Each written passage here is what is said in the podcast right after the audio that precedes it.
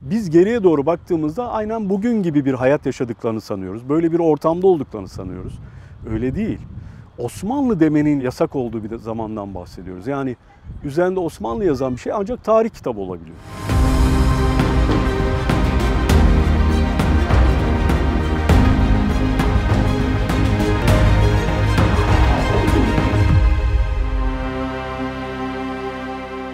Savaş abicim hoş geldiniz. Hoş bulduk Serdar'cığım.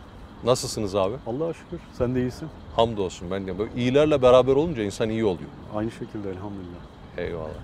Bizim iyilerimiz abi bir de dünyadan gelmiş göçmüş iyilerimiz var. Evet. Yunus Emre'den Necip Fazıl'a, Evet. İmam-ı Gazali'den Sezai Karakoç'a. Allah uzun ömür versin. Sezai Bey el an aramızda gerçi. Evet. Üstad diyoruz onlara. Onları okumadan bugünü yorumlayamıyoruz, yarına bir şey söyleyemiyoruz ama onlara yaklaşımda, onları anlamaya çalışmada üslubumuz ne olmalı? Eyvallah. Çok güzel bir soru çünkü e, kişi örnek alarak yürüyor. Hepimiz aslında birçok insanın hasılasıyız. Bir terkibiyiz, bir senteziyiz. Okuduklarımızın, tanıştıklarımızın, kızdıklarımızın, pek sevmediklerimizin, çok sevdiklerimizin, ailemizin biliyorsun. Yani insanoğlu aslında bir hatıra kabı gibi. Yani üzerinde birçok iz var. O yüzden feyiz aldığımız, biz tabii hayrına bakarız. Ee, bazen o da garipseniyor yani. Mesela müspet bir cümle kuruyorsun. İyi de hocam bunun bir de menfisi var. Ya babacığım biz menfi çok zaten yani kişi andığıyla yaşar. İyi güzeli anarsan sen de güzelleşirsin. Yani bunu özellikle gençlere tavsiye edeyim. Kendinizin şevkini ayakta tutmanız en önemli şeydir. Çünkü bu devirde şevk en çok kırılan, en çok kaybolan şeydir.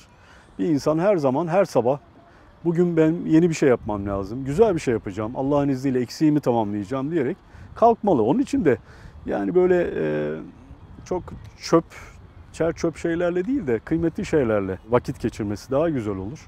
Şimdi ben Necip Fazıl Üstad'ı ortaokulda okumaya başladım kitaplarını. İmam Gazali Hazretlerini ortaokul 1'de okumaya başladım. Şimdi onların mesela benim e, hamurumun içinde nerede bir çeşnileri, nerede bir tatları var tabii çıkarıp göstermem mümkün değil. Her insanda olduğu gibi. Hatta bazen insan bazı kelimeleri, bazı üslubu nereden aldığını da bilemeyebilir. Çünkü bir süre sonra kendileşiyor. Zaten olması gereken o. O yüzden neyle haşır neşir isen aslında onun eseri olduğun için neyi seviyorsan onun eserisin. O yüzden bu kınanacak bir şey değil. Yani hani Galip Dede Hazretlerine sormuşlar işte ya bu Hüsnü Aşk'ı yazdığı zaman ya bu Mevlana'nın şeyine benziyor yani. O da demiş ki ya valla miri malı çaldık ama yani adamından çaldık yani sorun yok. Herkesin ortak malı bu. Şimdi Necip Fazıl gibi daha sonra işte ben Erol Güngör'ü okudum. Remzi Oğuz Arık'ı okudum. Daha böyle milliyetçi diyelim ki şeyden gelenleri. Özellikle lisede daha dini kitapları okumaya yöneldim. Üniversitede tabii daha da farklılaştı. Fakat bunların hepsi buradan geriye doğru baktığım vakit aldığın derslerden sende büyük izler oluyor. Yani bugün insanlar Allah razı olsun kulak verip bir sözümüzü eğer dinliyorlarsa aslında o sözlerin içinde onların hem hakları var hem katkıları var. Şimdi hakları var. Önce ondan başlayalım. Mesela Necip Fazıl Üstad ben her fikrine katılmam. Ama ne zaman katılmam? E, şu yaşımda katılmıyorum veya bundan bir 20 sene önceden katılmıyorum bazılarına. Bunu dediğin zaman da onu sevenler mesela alınıyorlar. Şimdi gençken kişinin sevdiğine böyle e, kuvvetle bağlanması normal bir şey. Yani ona toz kondurmaz, efendim eksiğini görmek istemez. Fakat her insan gibi özellikle fikir sahasında eksik şeyi söylemek, hatta bazen yanlış şeyi söylemek, hatta bazen bazı şeyi karıştırmak. Bunlar insani şeyler. Fakat Necip Fazıl kuşağının bizim için çok özel ve önemli bir tarafı var. O da nedir? Biz geriye doğru baktığımızda aynen bugün gibi bir hayat yaşadıklarını sanıyoruz. Böyle bir ortamda olduklarını sanıyoruz. Öyle değil. Osmanlı demenin yasak olduğu bir zamandan bahsediyoruz. Yani üzerinde Osmanlı yazan bir şey ancak tarih kitabı olabiliyor.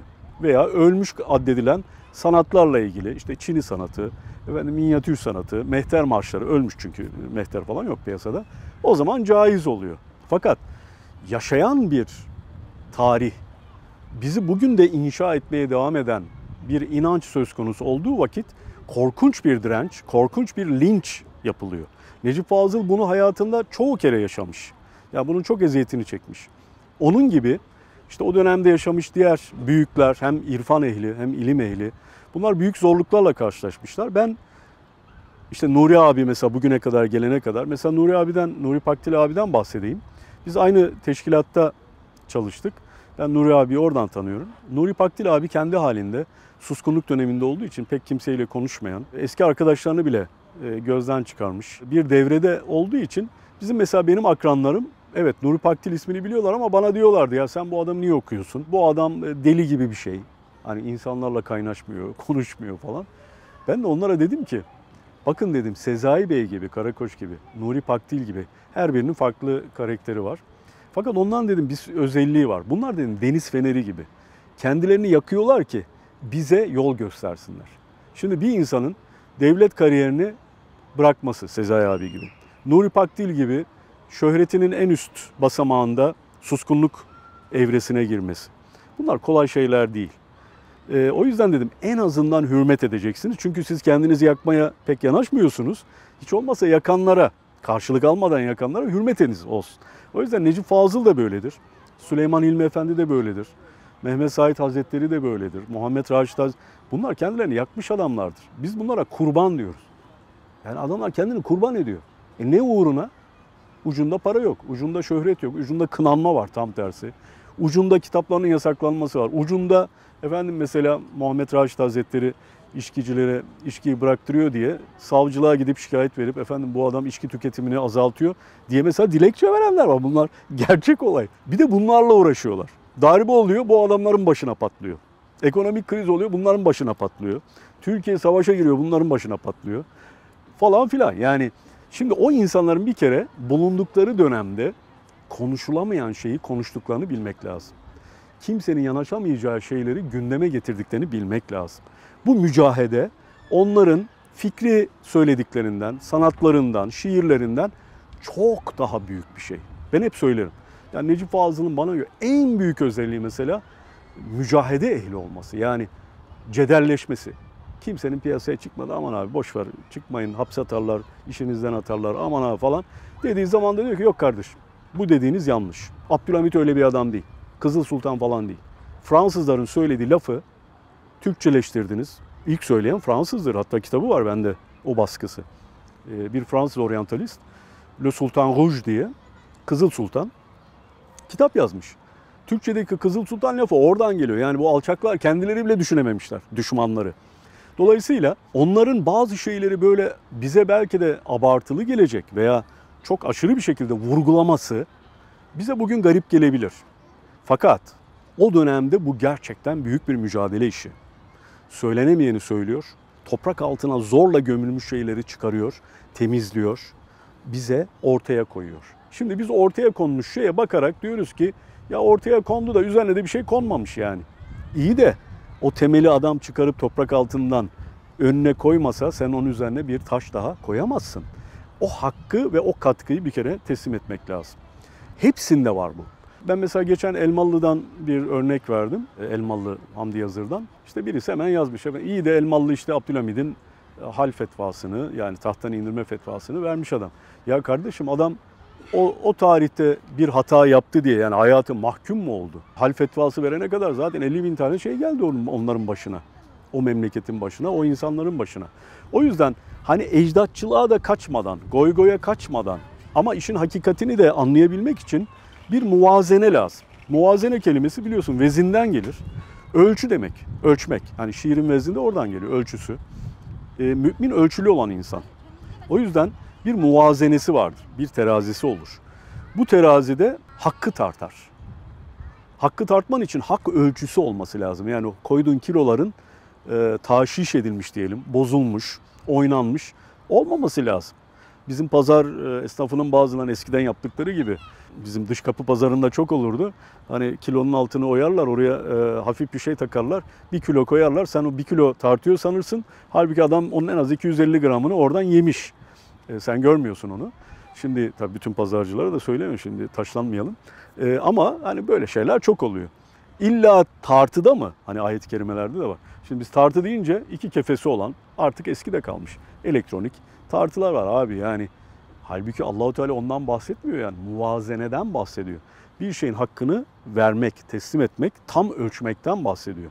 O yüzden şimdi bugün geldiğim noktada ben Necip Fazıl okurken tabii ki ben çok seviyordum.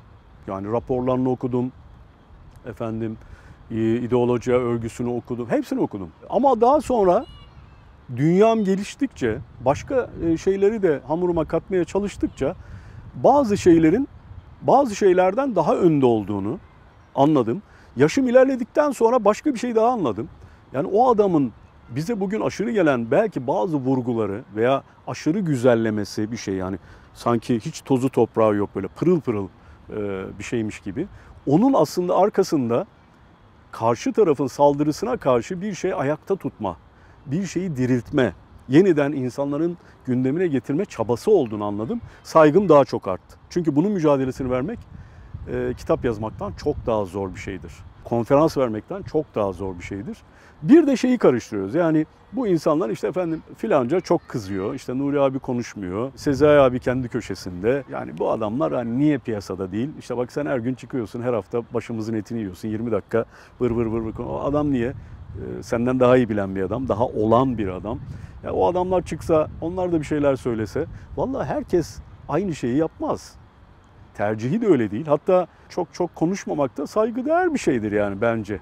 Çünkü oluyor adam. Olması zaten bizi konuşturuyor. O olmasa e, ben konuşamayacağım. Ondan ben istifade etmesem, suskundan istifade etmesem e, kelam ehli olmayacak. Dolayısıyla hani konuşturana bak derler. Bir Allahu Teala'dır. İki Allahu Teala'nın sükut verip ahlakıyla yücelttiği insanlardan. Onların çok konuşmasına gerek yok. Seni konuşturuyor ama. Aktarma, rivayet, efendim fikriyatını onun üzerine dayama, hissiyatını onun üzerine dayama imkanı veriyor. O yüzden özellikle tek parti döneminden başlayarak e, bugünkü gençler bazı şeyleri bilmiyorlar. Somut bir örnek vereyim mi abi? Tabii. Hayatımdan mesela. Bugün e, aklınız, havsalanız almayan şeyi ben yaşadım. Sen de yaşamışsındır. E, 1980 öncesinde ben lisedeyken Azeri oyunlar oynuyorduk. İki sene ben e, Azeri dansları oynadım. Milliyet Gazetesi'nin hala yapıyorlar mı bilmiyorum. Her sene liseler arası böyle şey var. Halk oyunları e, yarışması oluyor Türkiye çapında. Bizim lisede katıldı. Kendi, kendisine çok güveniyor, ekibe çok güveniyor. Ondan sonra biz Ankara seçmelerine Atatürk Spor Salonu'nda girdik abi. Şimdi biz ne oyun oynuyoruz abi? Azeri oyunları. Abi komite dedi ki, o düzenleme komitesi, Azeri oyunu diyemezsiniz dedi. Abi Azeri oynuyoruz. Yasak. Türkiye sınırları dışında bir şey söyleyemezsiniz. Abi Türkiye sınırları dışında ama adamlar Türk. Yo Türkiye sınırları dışında Türk yok. Tabii Türkiye sınırları dışında Türk olmaz. E biz ne oyun oynuyoruz abi burada? Yani Rus oyunu mu oynuyoruz? Ne oynuyoruz biz burada? Dediler ki valla en yakın Kars var. Siz Kars oyunu deyin, oynayın. Biz abi Kars oyunları diye çıktık ya. Ve bize de birincilik vermediler. Salon inliyor ama. 10 bin kişi var. Vermediler çünkü onların kafasına göre Azeri oyunlarını yurt dışı hani Türklerden bahseden insanlar Turancı oluyormuş. Arkadaşlar da pek bir solcu idi.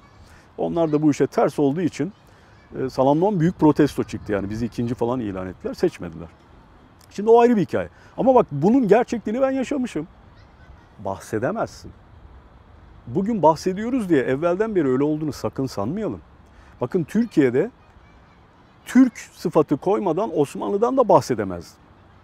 Yani insanlar mesela Türk-İslam sentezi demesinin psikolojik bir altyapısı da her ne kadar bu benim katılmadığım bir ibare olsa da Türk-İslam sentezlemelerinin arkasında psikolojik bir şey var.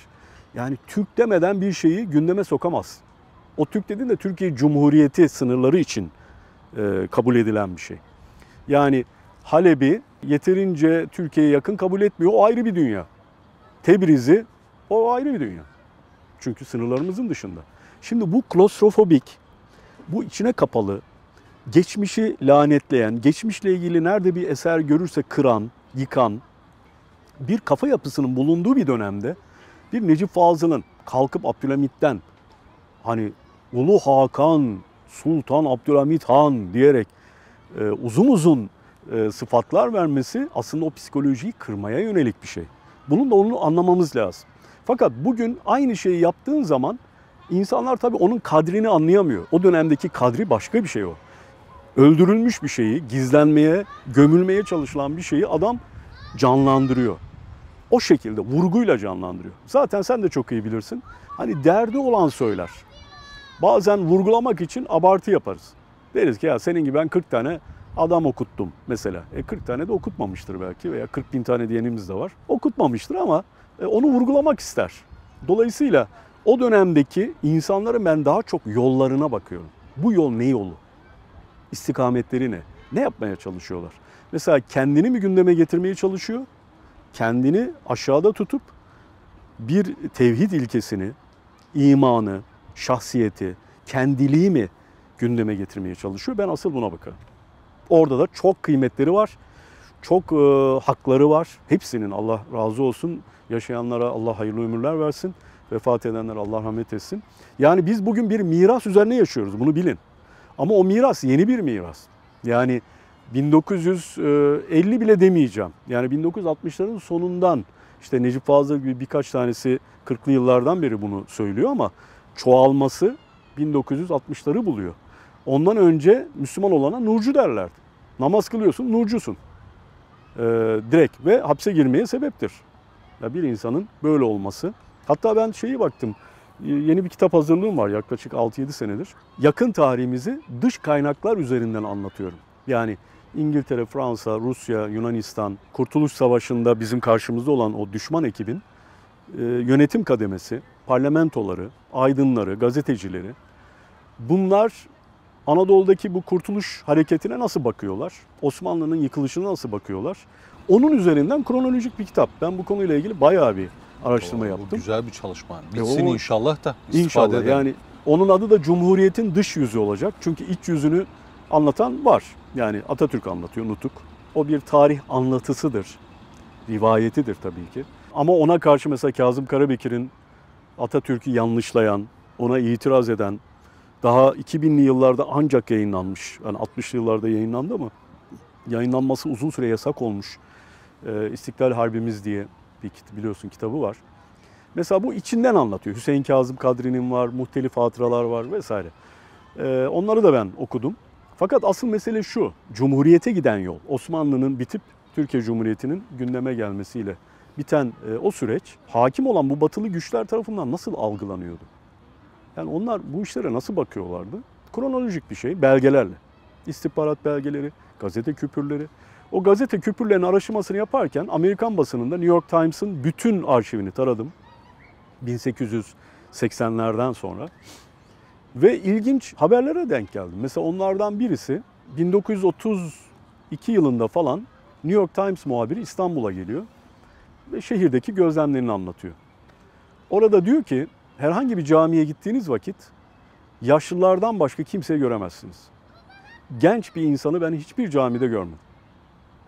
Şimdi bunu bugün ben yayınladığım zaman veya bunu söylediğim zaman insanlar der ki ha, o zaman e, böyleymiş. Halbuki o yasak gibi olan bir şey. Çünkü camiye giren bir genç otomatikman çevrede gezinen sivil polislerin ki her yerdeler.